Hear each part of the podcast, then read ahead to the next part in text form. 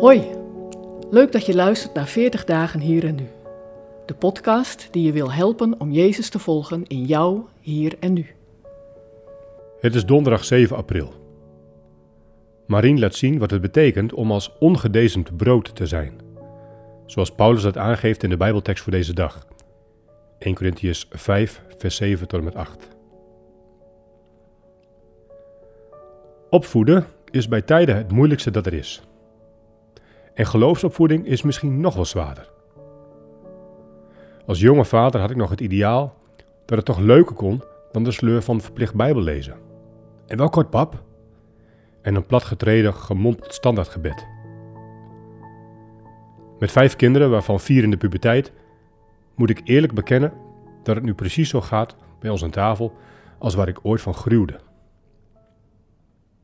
Als het gaat om het aantrekkelijker kunnen maken van geloofsoverdracht, ben ik een ervaringrijker en een illusiearmer. Toch kijk ik tevreden terug op één dappere poging. Het ontbijten met de Bijbel voor onze drie oudste kinderen van destijds, 4, 6 en 7. De avond daarvoor had ik de tafel gedekt met ingrediënten van een cedermaaltijd. Ook lagen er rode verf en kwasten om de deurposten te bewerken, die ik natuurlijk eerst had beplakt met schildersteep. Zelfs de grote haast correspondeerde met het verhaal uit Exodus. Het enige verschil was dat de kinderen de uittocht naar school helaas niet als een bevrijding ervoeren. Het Pesachlam en het ongedezemde brood zeggen ons vandaag niet zoveel. Ons avondmaal lijkt nauwelijks meer op het oorspronkelijke Pesachmaal dat ook Jezus als Jood nuttigde, vlak voor zijn lijden en sterven. Wat bedoelt Paulus met deze metafoor? Op de 14e Nissan, de maand waarin het volk werd bevrijd uit Egypte, werd in de tempel een lam geslacht.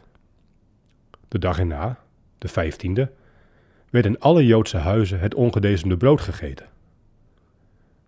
Paulus betrekt dit op Jezus en ons. Eerst stierf Jezus als een paaslam voor onze zonde. Daarna komt onze taak. Zuiver blijven als brood zonder zuurdesem.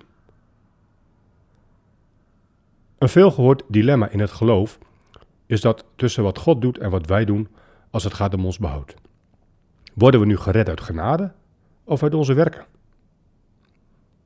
In mijn werk met migranten hoor ik wel eens het verwijt van moslims dat het christelijke geloof wel erg makkelijk is. Even bidden om vergeving en je komt in de hemel. Verder mag je alles doen wat je leuk vindt. In dit gedeelte is Paulus heel duidelijk. Jezus heeft ons zuiver gemaakt. Maar wij moeten wel zuiver blijven. Het onderscheid tussen verdienste en inspanning kan hierbij helpen. We kunnen de hemel niet verdienen, want dat heeft Jezus voor ons gedaan. Dat geloven is genoeg. Maar we moeten ons wel inspannen om bij dat geloof te blijven. Een Nederlander vertelde eens de reden waarom hij in een Aziatisch land tot geloof was gekomen. Hij worstelde erg met verleidingen en had zich er na verwoede pogingen om er zich van te bevrijden erbij neergelegd dat er niets aan te doen was. Toen hij meegenomen werd naar de kerk, hoorde hij mannen eerlijk en kwetsbaar met elkaar delen over hun worstelingen en verleidingen. Maar ook over de vergeving van Jezus en de kracht van de geest die hen hielp om daartegen te strijden. Dit was voor hem de reden om christen te willen worden.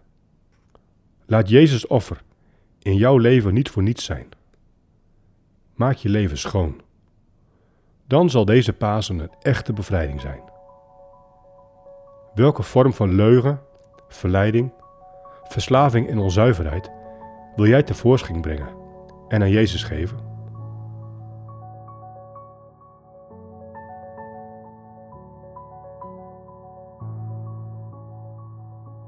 Wil je meer weten over deze podcastserie? Ga dan naar 40dagenhierennu.nl.